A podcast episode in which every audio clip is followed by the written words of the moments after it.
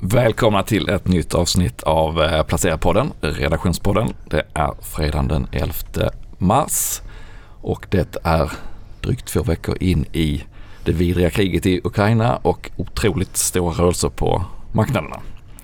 Eh, det ska vi prata om och vi ska prata om, eh, ja, vad ska vi mer prata om?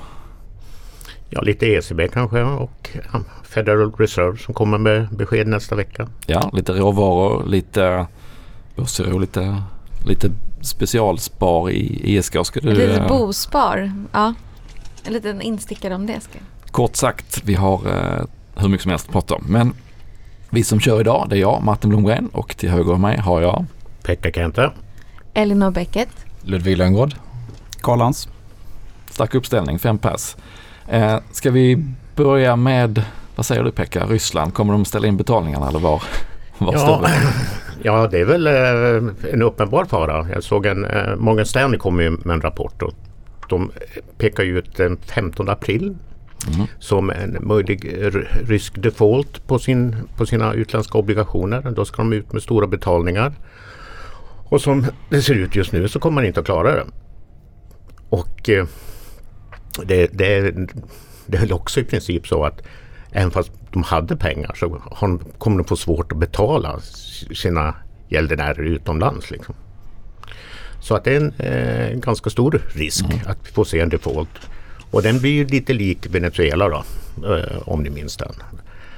Och det, det här är ju liksom en betydligt större och viktigare ekonomi så att eh, jag är orolig för det. Och då är det ett antal banker förmodligen som sitter med skägget i brevlådan? Ja, eller? vi vet ju inte riktigt vilka det är men det finns väl en del österrikiska banker, en del amerikanska banker, ja, europeiska banker i stort. Erste och Raiffeisen är det ju i Österrike som Mm. har stor exponering mot Ryssland. Så att eh, Österrike är det land som har störst bankexponering i Europa mot eh, Ryssland. Men vi hade ju en eh, konkurs i Ryssland redan 98. Eh, Så att det här blir den andra då. Drygt 20 år senare. Och ja, den här gången blir det värre tror jag Mm än det blev då. Eh, så att eh, så ur, ett finansiellt perspektiv så är väl det liksom som jag ser som det stora hotet eh, framöver. Sen kan ju mycket hända innan dess. Men, mm. 15 april alltså, datum att hålla koll på. Men och en skillnad nu mot tidigare händelser då, 98, är ju att nu ser vi att stor, storföretagen har ju varit närvarande på ett helt annat sätt än vad de var då. Och det finns ju nästan ingen, den här listan över bolag som drar sig ur eller pausar eller inte vill ta i Ryssland med tång blir ju längre för varje dag. Så igår lämnade till med JP Morgan då som är den, eh, alltid varit den största utländska ägaren av ryska tillgångar. Så att eh, det, det är ju det, det är verkligen eh, Ja. enormt stort. Och Visa, Mastercard, McDonalds, you name it, Apple, alla lämnar. Så att man, man skickar ju på något sätt tillbaka den ryska inhemska marknaden till 100-150 år tillbaka i tiden om man ska vara lite hårdragen. Ja, det, är- det, är, eh, det är väldigt sådär. Hur, hur, hur kommer vår relation att se ut med Ryssland liksom i ett mänskligt, politiskt och ekonomiskt perspektiv? Liksom, när kriget förhoppningsvis är över och vi har någon sorts fred. Liksom. Mm. Eh, Jättekonstigt det är ju ändå ett väldigt stort land med liksom tusen år historia. Men de här bankerna som har eh, stor Rysslandsexponering då, hur stora är de och system, hur viktiga är de då? Ska man liksom vara orolig för en ny finanskris? Alltså i Österrike borde man ju vara det i så fall. För att Erste Group är ju deras största bank liksom. Den största västländska banken i Östeuropa. Eh, Ja, jag måste erkänna att eh, jag har ganska dålig koll på hur stor, hur stor exponering de här bankerna har. Så att eh, parallellen är ju lite grann med finanskrisen faktiskt 2008 då, men eh, riktigt lika allvarlig kanske den inte blir. Men eh, i och med att kriget ändå kom något överraskande eller blev mer intensivt än vad marknaden trodde så kan väl eh, ju på att det är väldigt många som inte har hunnit ur sina positioner utan sitter kvar. Ja, den, st- den ännu större risken är väl egentligen för om man säger, resten av världen att de här otroligt höga råvarupriserna som nu skulle ju inflationen på något sätt klinga av den här höga var ju tanken men det här kommer ju driva upp inflationen ytterligare. Att det till slut slår mot eh, konsumtionen och då slår det liksom väldigt brett på, på världskonjunkturen. Eh, det är väl den stora faktorn kanske att börsen har gått ner så mycket Ja, råvarumarknaden har ju gått eh, ja, lite bananas. Jag menar nickelmarknaden är i princip stängd mm. efter en prisuppgång på 250 procent. Eh, palladium upp 50 procent. Eh, aluminium och lite annat sådär runt 20. Det är faktiskt så att guldet är väl en av de här råvarorna som inte, inte har rusat mm. iväg. Men, eh, och silver har också stigit. Så att, eh, och jordbruksprodukter. Inte minst vete, ja precis. Mm. Mm. Det är ungefär 30 procent av världsmarknaden och Ryssland och Ukraina tillsammans. Mm. Ja, eh, så att visst kommer det att bli ett eh, betydligt högre mm. inflationstryck. Och gödselpriserna som rusar som i sin tur att livsmedelspriserna kommer bli ännu högre.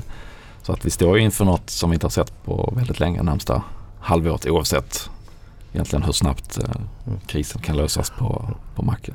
Ja, ECB kom ju med sitt eh, penningpolitiska besked igår och hade ju reviderat upp sin inflationsprognos för i år till 5,1 procent och justerat ner sin tillväxtprognos till eh, 3,7 procents tillväxt i år i EMU-området. Och jag är väl inte den enda som tror att det där är alldeles för optimistiskt.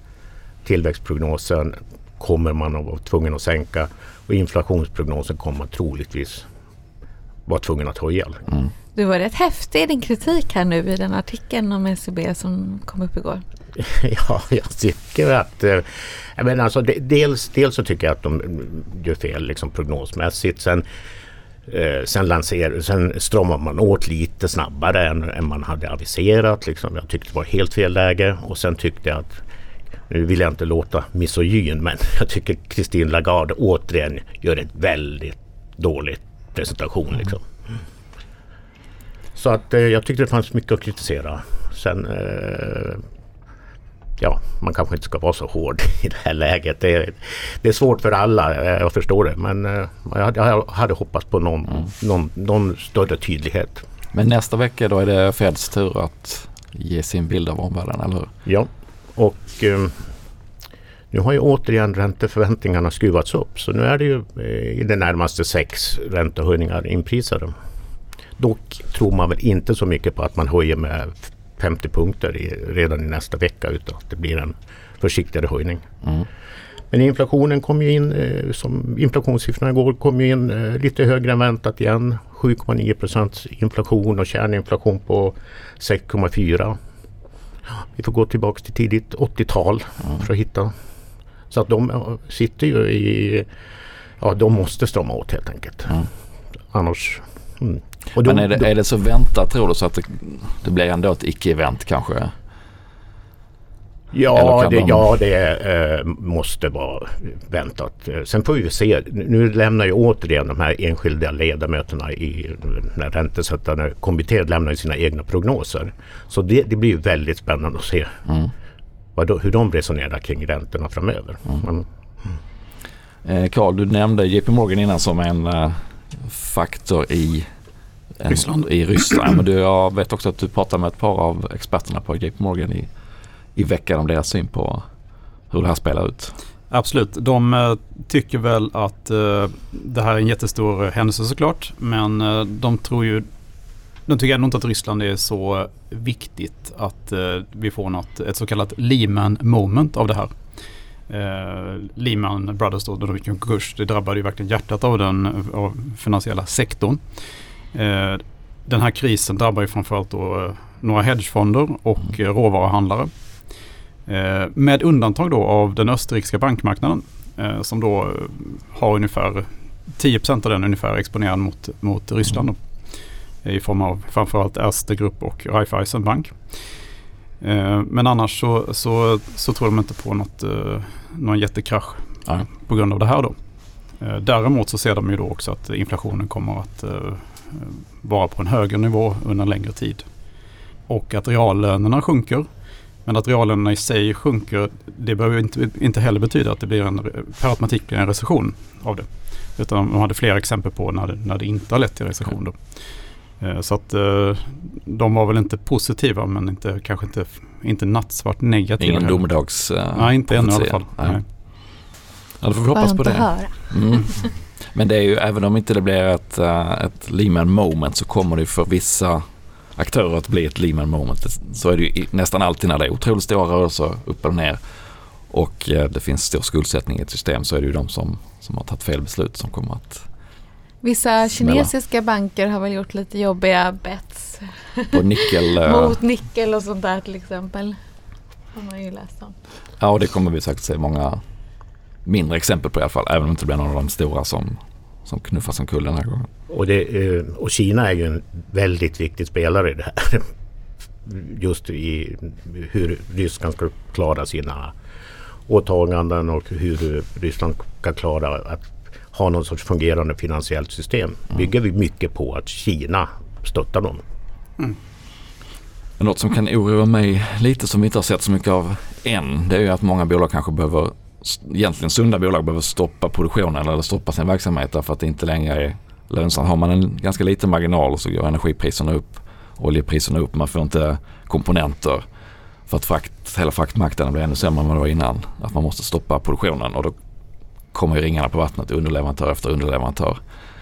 Och så blir det liksom en, som en seriekrock i hela systemet. Eh, Där, och jag har sett en del exempel på bolag som drar ner prognoser och som dämpar produktionen några veckor sådär. Men vi har inte sett de här tvärstoppen än. Men det är ju en tänkbar effekt om det, om det Mm. inte blir bättre hyfsat snart tror jag. Jag såg en snabb undersökning från uh, tysk ekonomi igår om eh, hur bolagen anser att de drabbas av den här krisen i Ryssland, eller, eller kriget då mot Ukraina. Eh, och då var det 5% som sa att de var starkt, uh, påverkas väldigt starkt Mm. och ytterligare ungefär 25% som påverkas av det. Mm. Men eh, 75% då anser att de inte påverkas av det. Hittills. Hittills, ja. Precis. Jag tänker bil. Bilbranschen känns ju spontant som Ja, en tuff bransch att vara i Säkert. just nu. och var ju redan Vilket- problem med komponenter Ex- innan. Precis, Och, på. Det blir liksom grädde på moset Mm. fast tvärtom. och den här halvledarkrisen var ju lite på väg att inte lösas men att bli lite lätta lite i alla fall. Men då är ju uh, neon som jag förstår den som man tillverkar i Ukraina en väldigt viktig del i produktionen. Så att det kan i sig göra att det blir ett nytt stopp i halvledartillverkningen. Och själva efterfrågebortfallen från Ryssland respektive Ukraina och Vitryssland. Det klarar ju världsekonomin av att hantera utan det är ju de här indirekta effekterna via inflationen Mm. och lite problem med leveranser och sådär. Och eh, kraftigt ökade råvarupriser. Det är ju det som kommer vara den stora effekten på världsekonomin. Ytterligare en effekt som jag läste om igår det var ju det här att eh, Ryssland har ju leasat eh, flygplan för ungefär 10 miljarder dollar. Och de flygplanen eh, måste man kräva tillbaka nu då av, eh, och de här leasingbolagen då, de, de flesta ligger, har sitt säte på Irland. Eh, men ryska staten då har ju i princip sagt att vi beslagtar de här planen. Så att det blir, en intressant historia att se vad som händer Mm. där också framöver. Och det har väl kommit lite liknande signaler kring ja, bo- bolag från fientliga länder. Att det, den verksamheten kanske de också ska Förstatliga, precis. norpa. Ja. Mm. Så att, Men varifrån kommer de här leasade planen då? Ja, alltså det är ju Boeing och Airbus-plan då som eh, i sin tur då har leasats från, eh, från då eh, leasingfirmor liksom. Från, eh, ofta, ofta från Irland då. Är det, det, normalt sett. De har nog lite att göra nu då. Kan man tänka på. Ja, det är nog en jobbig... Ja, för dem är det en. Lehman moment definitivt. Ja, det kan det nog vara. De får väl inte ens ta emot betalningar från Ryssland. Så att, I och för sig så kanske det inte spelar någon roll då. Nej. Smällen hade redan kommit. Liksom, Att ryska staten då beslagtar dem där kanske inte spelar så stor roll. Samtidigt har ju då väst beslagtagit um, ryska centralbankens tillgång också. Så att eh, man kanske kan få ersättning från det hållet. Senare, I ett senare läge liksom. Ja, men den stora frågan är väl för oss som tittar på börsen då. Hur, hur, hur mycket av det här är redan eh, i kurserna när det har gått ner drygt 20 procent som så kallad björnmarknad? Är det någon som vågar svara på det? Absolut inte. Nej. Alltså risken är ju att vi får den här oljepris, eh, samma, samma utveckling som under oljekrisen då på 70 73-74. Då hade vi två riktiga björnår liksom. Mm. Eh, det, det, är väl en, eh, det är väl hög risk för att vi hamnar där liksom. Eh, och då kommer vi ha dålig börs nu, nu och ytterligare ett år till. Ja. Mm. Och vi kommer ju från en hög nivå ska man inte glömma. Om man drar ut en kurva så är det en ganska aggressiv uppgång innan vi gick in i det här. Ganska. Ganska. Och vi kommer från räntor som är väldigt låga där centralbankerna inte kan kanske blåsa på som man hade gjort om det varit ett annat eh, ränteläge när man gick in i det här. Men eh, jag, kort bara, jag såg en väldigt intressant eh, genomgång som eh, SEB hade gjort på björnmarknader på svenska marknaden. Det haglar ju in jämförelser med, med historien nu men de hade ju tagit ett, ett grepp på svenska breda indexet då, hur tidigare björnmarknaden sett ut och då, då hade de hittat 10 stycken där börsen har gått ner 20% eller mer från toppen. Och snittet på de här nedgångarna eh, ligger kring 40% och vi är nu strax över 20%. Men då är det väldigt tudelat att det är finanskrisen bland annat då när det var ner 60% och sen så är det ett par gånger när det har vänt upp vid 20 och några vid 40. Så att eh, jag vet inte hur mycket guidning det här ger men det, det är åtminstone inget som lugnar en och säger att det brukar alltid vända vid 20-25%. Utan eh, riskerna finns kvar. Det kan alltid bli värre. Liksom. Det kan alltid bli värre. Men eh, jag, jag läste också när vad, vad, genomsnittliga tiden för börsen att återhämta sig var väl 12 månader. Ja det kan stämma. Mm. Och, men, och där är det också väldigt olika. Mm. eh, IT-bubblan och finanskrisen tog väldigt lång tid. Och sen så är det några händelser, vi pratade om det här innan, 2015. Då var det ner 23 procent, sen vände det upp och vi minns knappt ens varför det gick ner då. Så att, ja, vi får väl se vilken, var den här placerar sig i historien längre fram. Mm. Den stora risken är väl att det, om det blir ett långvarigt krig också att uh, det kommer tynga marknaden. Mm. Det är att vi inte ser något ljus i tunneln. Liksom. Det är väl Men även under, en, även under en björnmarknad så finns det ju så kallade bear market rallies som kan bli otroligt stora uppgångar för den som försöker vara lite kortvarig och tajmad. Det såg man ju i måndags var det väl när det var ner 4% slutade nästan plus och i onsdags var det väl när DAX, tyska DAX var upp 8% och Stockholm var upp 4 tror jag. Det är det där när, när blankarna löser in sina positioner. Då, då, får du de här enorma uppgångarna. Ja, och när man börjar känna att nu är kanske flocken på väg att vända då vill man inte mm. vara den sista antilopen eller vad man är som Precis. blir uppkäkad. Så att vi kommer nog se stora rörelser och, och de här uppgångarna på 4-5% tror jag inte man ska se som att det nödvändigtvis har vänt för gott utan snarare tecken på att volatiliteten kommer att fortsätta hög.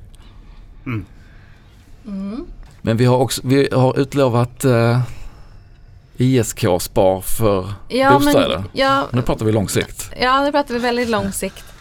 Eh, men det är ju faktiskt rätt många, säkert flera hundratusen som har ett HS, HSB bospar. Eh, och det är alltså ett sparande som man ofta kanske spar, eh, startar till sina barn. Som är tänkt på kanske 20 år eh, och då får man också köpoäng. Och, då eh, man, eh, och de här kan man använda då i både om man vill ha rätt att köpa lite, gå före kön om det är några nya bostäder som byggs men också till vissa fall hyreslägenheter. Eh, och det som har, det har varit ganska dåligt så blev det mycket bättre för de bytte eh, från Swedbank till Danske Bank och det blev lägre avgifter på fonder och lite bättre ränta och så. Eh, men eh, det nya nu eh, det är en rejäl förbättring för att nu kan man nämligen spara på ISK och det har man inte kunnat göra tidigare. Och eh, som de flesta vet så är ju ISK bra i längden när man har ett eh, långsiktigt aktiesparande. Så det kan man ju då ta till sig och kanske då lite extra mycket just nu för nu har vi ändå en rätt dålig börs som sagt. Eh, så lite mindre vinst att skatta för än vad det var för ett halvår sedan. Och dessutom om man då tänker att många av de här eh, som har ett HSB-bosparande och ännu inte har börjat ta ut de här pengarna pluggar då finns det ännu en anledning och det är att det är ett fribelopp på CSN fram till halvårsskiftet. Så, men det här kan ju vara lätt att missa och man, vissa kanske inte ens vet om att de har ett HSB-bosparande eller det är långt bak liksom hjärnan. Så det kan man ju ändå då, eh, tänka på. Mm. Men du, hur funkar vara... det? Jag är otroligt dålig på det här också. Men får man någon ränta eller är det parkeringsplats och poäng som är huvud... Nej, man kan få en ränta som numera är på eh, hela 0,2 procent. Mm. och 0,3 procent om man då eh, stänger in pengarna eh, på tre år. Eh, och eh, det är ju inte så mycket att hurra för när man har den här inflationen. Då Nej. förlorar man ju pengar. Men som sagt, är det ett långsiktigt sparande då ska man ju helst ha eh, aktiefonder och då ska man då, kan jag då flika in, välja rätt i det här urvalet. Men då åker du väl på en schablonbeskattning i ISKan? Det gör man ju, men på sikt då ska ju då, då kan man ändå säga att mm. då kommer det vara bättre att ha eh, men då ska du ju såklart ha aktiefonderna på ISK, inte dit, inte några räntefonder och så. Nej.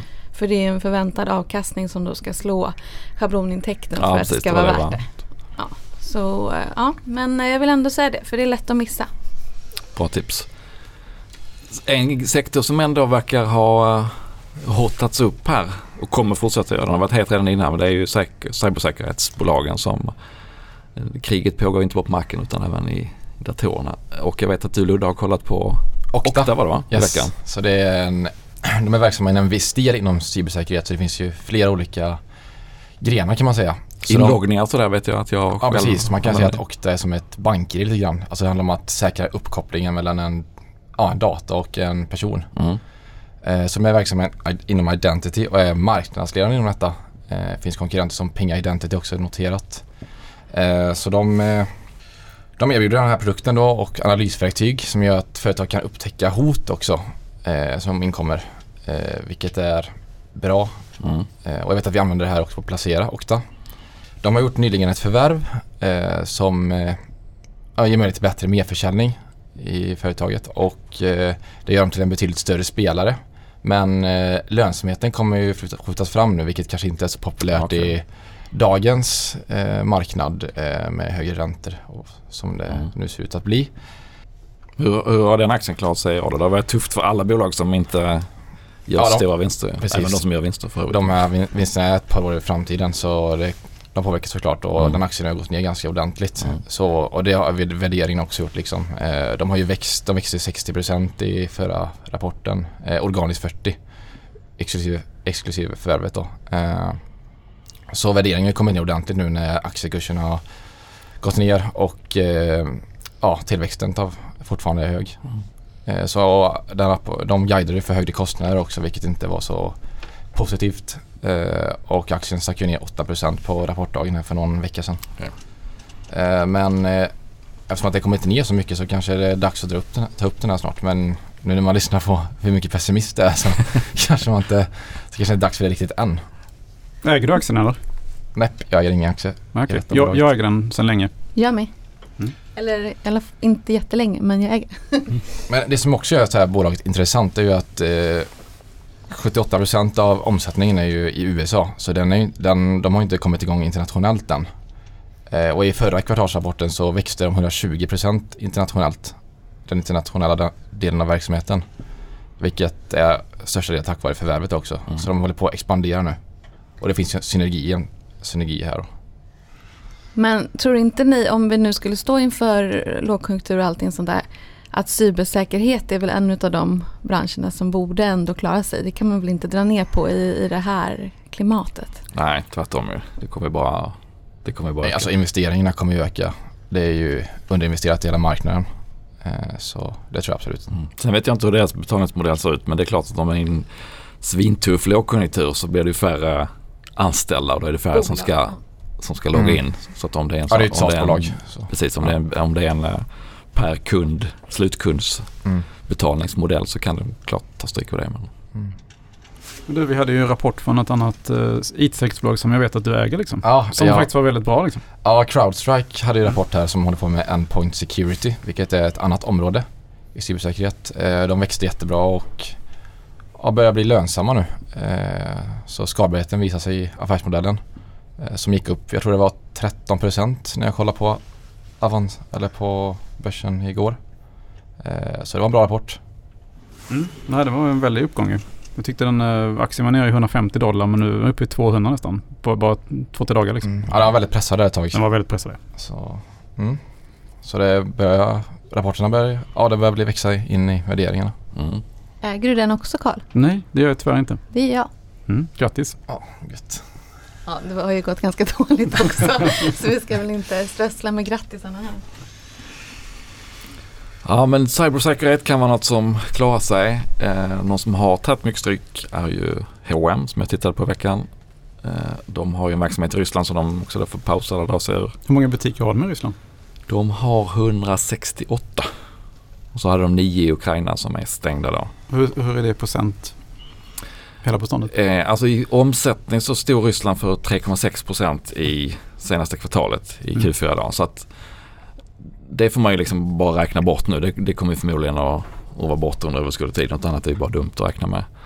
Eh, men även om man tar bort det, jag gjorde bara en snabb kalkyl. Om man tittar på hur konsensusprognoserna såg ut innan eh, kriget startade och så tar man bort 4 procent och behåller, behåller lönsamhet och sådär. Och det är kanske lite optimistiskt räknat för det kommer alltid engångssmällar.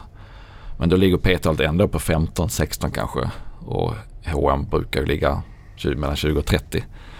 Eh, så att jag tycker nog att de borde börja närma sig en botten här och tycker att det är lite köpläge. Senaste rapporten som kom strax innan, innan det här smällde då hade väldigt mycket positiva signaler tyckte jag med att de har fått ordning på sin leveranskedja, marginaler, eh, förhandlar om hyror. En tredjedel av försäljningen är nästan online och trots det så stiger marginalerna. Så att de, de har liksom ställt om och sen så kom det här som ytterligare en motvänd då efter den kinesiska bomullsinköpshärvan och pandemin. Eh, men de har också fallit väldigt kraftigt på börsen så att jag skulle nog säga att här på P 15, 16 kanske då om man, om man drar till eh, ytterligare lite smällar från Ryssland. Direktavkastning på 5% och att de underliggande är en ganska bra trend så eh, skulle jag säga att det är köpläge. Jag kollade på Insider här i början på veckan och alltid när jag kollar på insiderköp så brukar ju Stefan Persson vara med liksom. Men han, ja, men han, var, han, han lyste med sin frånvaro. Han lyste med sin frånvaro. Ja. Det var helt, uh, jag blev nästan lite chockad över att han inte hade köpt någonting faktiskt. Men det kan vara, de har ju rapport, de har ju brutit det så de har ju rapport ganska snart och försäljningssiffror okay. ganska snart. Så det kan vara mm. en, en sån här tyst periods mm, en legal äh, sak. Effekt, så han, mm. Det kan vara så att han sitter med fingret på köpknappen och bara väntar. På. Ja. det är min, det är så jag tänker på ja, det. Det låter, låter sannolikt faktiskt. Mm. Stefan väntar på att få köpa. Hur har ni själva agerat i veckan då? Jag har faktiskt uh, köpt en ETF. Ja. Uh, FunEc Global um, uh, Real Estate har jag handlat lite. Som mm. inflationshedge tänkte jag. Fastigheter Fastigheter globalt. Global fastighet. mm. Största innehavet är Pologiskt tror jag. Det är väl mm. um, ungefär 10 procent. det är ju världens största logistikfastighetsbolag. Amerikanskt. Eh, så att den har jag plockat in nu. Har de fallit? Är det ett, ett fyndköp eller är det ett eh, Nej, momentumköp? tyvärr inte. Eh, det är ju, kronan har ju fallit väldigt mycket också. Så att den är väl kanske plus minus noll i år. Sånt där, den mm. här ETFen då. Men jag tänker ändå att det är ett, ett långsiktigt innehav som jag börjar bygga här kan man säga. Bygga position. Exakt. Mm. Ludde? Jag köpte ju, jag pratade ju förra gången jag var med på den här om No Before. Så jag har faktiskt köpt den aktien. Det är ju en utbildningsplattform inom cybersäkerhet. Eh, så de släppte en bra, bra rapport här där de växte väldigt bra och fortsätter att eh, sälja på sina kunder fler produkter. Eh, så jag tycker det var en solid rapport och kassaflödet ser bra ut. Amerikanskt? Amerikanskt, bolag, amerikanskt mm. lite mindre bolag. Mm. Eh, underinvesterat eh, hela den här utbildningsdelen av cybersäkerhet. 3% av alla investeringar i cybersäkerhet kommer ju dit. Mm. Liksom. Eh, vad har jag mer gjort? Jag har... Du är väldigt inne på cybersäkerhet. Ja, ja men jag har bara, jag har bara två, två sådana bolag. Så jag har inte, det är bara så att det är liksom en rolig bransch att skriva om. Så. Eh, men jag har... Inga försäljningar? Nej. Du sa jo, jag har köpt VNV också. De har ju gått kast nu. Eh, vilket inte är så konstigt med aktier med lång duration går ju sämre nu. Eh, de har ju kommit ner så de har jag plockat upp nu. Eh, det Babylon som noterades har ju inte gått så bra. Just det. Kass likviditet liksom i aktien och Fast nu kommer en liten trigger här. Nu, ska ju, nu går lockup-perioden ut i Babylon så nu kommer likviditet, kanske kommer ett säljtryck först då mm. men sen kommer likviditeten gå upp och då kan man ju tänka sig att fonder kommer komma in och köpa lite eh, och likviditeten ökar. Eh, för den aktien är ju jättebillig nu men mm. vi får se. Det finns ju såklart alltid risker att det går ner ännu mer. Och Elinor? Eh, ja, jag ehm, eh, eh, sålde av lite i Boliden. Aha. Ja. De har gått bra? Eh, de har gått jättebra. Eh, och, eh, och det lyckades jag tajma ganska bra. Om det inte vore för att jag har sålt av två gånger på vägen upp då. Ja, men. men lite så. Sen ehm, så köpte jag faktiskt lite Avanza där när den gick mm. ner sådär fruktansvärt mycket här om, här om veckan. Ja, de har tappat otroligt mycket. Så eh, ja, det var väl det. Pekka då? Jag är som vanligt ryska, ryska bonds. ja, precis. Ja, de kostar väl ungefär 20, per, 20 cent per dollar. Eh, men det är som sagt Det kan vara dyrt det också. Ja, det kan vara väldigt dyrt. Vi får väl se efter 15 april. Nej då, jag ska inte köpa några ryska tillgångar. Nej, jag är som vanligt den tråkigaste av oss och så jag sitter still i ja. båten som man säger och eh, hoppas på det bästa. Du har kvar Lufthansa? Jajamän, eh, den gick ju ner här kraftigt men nu har den återhämtat sig igen. Mm. De hade så här enorm, eh, alltså nästan eh, omvänd vinstvarning. Att de, eh, jag såg att eh, det var sån, nu inför påsk här så ska de sätta in till exempel jumbojets till Mallorca. Liksom. Ja, för första det- gången. Mm. Det, alltså är det de största planen de har. Liksom. turister Mm. på. Ja, ja men verkligen. De eh, ser ut att gå en ganska ljus ju- har en ganska ljus period framför sig. Ja, I alla fall verkar det ha vänt liksom, ordentligt. Sen har ju jag också ett cybersäkerhetsföretag, Nixu, finska. Mhm. Men den, den har gått väldigt dåligt. Ja, för min del då. Eller var du klar? Ja, ja, jag är Ja. klar. Jag, har, jag ökade lite faktiskt i ett par bolag. I måndags var det väl då när det brakade lös neråt. Så jag köpte lite Sandvik, lite Volvo, lite Eldux som jag hade sedan tidigare. Och de är ju alla liksom närvarande eller har varit närvarande i Ryssland och tar lite stryk där. Men jag tycker de har fått för mycket stryk med tanke på att alla är bolag med bra balansräkningar, bra utdelningar. De kommer ju rida ut det här eh, om man är lite långsiktig. Och när det gäller Sandvik så är ju gruv, gruvkunder deras största kundgrupp. Och de kunderna täljer ju guld med de här metallpriserna. Så att um, gungor och karuseller där. Elux kommer få det svettigt med både stål och plastpriser i och för sig. Men de har, de har fallit otroligt mycket från toppen och har bra direktavkastning och Vad efterköp. vad har ett eh, bolag som Elux för P-tal? Ja, de är nog en bit under 10 nu men då tror jag att man kommer behöva skruva ner vinstprognoserna och höja, alltså höja helt enkelt inköpskostnaderna för stål och plast eh, som ju redan var tungt för dem. Så att det är, det är lite rörlig materia att titta på P tal när prognoserna kanske gjordes för två veckor sedan. Så att, eh, men säger att de ligger strax över P10 då. Eh, och sen så har jag ökat lite i Cloetta som jag köpte för några vecka sedan. Lågkonjunkturbett. Ett lågkonjunktur, ja ett lite öppna upp Folk behöver alltid godis. Ja. Samtidigt som de återigen kan bli en öppna upp-vinnare tror jag under den här perioden som kommer. De var ju det innan Omicron och annat kom tillbaka. Men när resandet tar fart och biografer och allt sånt där öppnar så får de en liten boost där. Folk börjar snaska igen. Precis, tröstäta Mm. tanke. Så det blir gjort. Men eh, då låter det som att vi mer är köpare än säljare egentligen i hur vi själva agerar. Jag kom dock på att jag har sålt en aktie. Ja. Det var, jag, han kom ur Sian som var ryska Hemnet. Så det var tur. Okej. Innan sanktionerna. Ja, så lite svettigt där. Men det gick. Well done.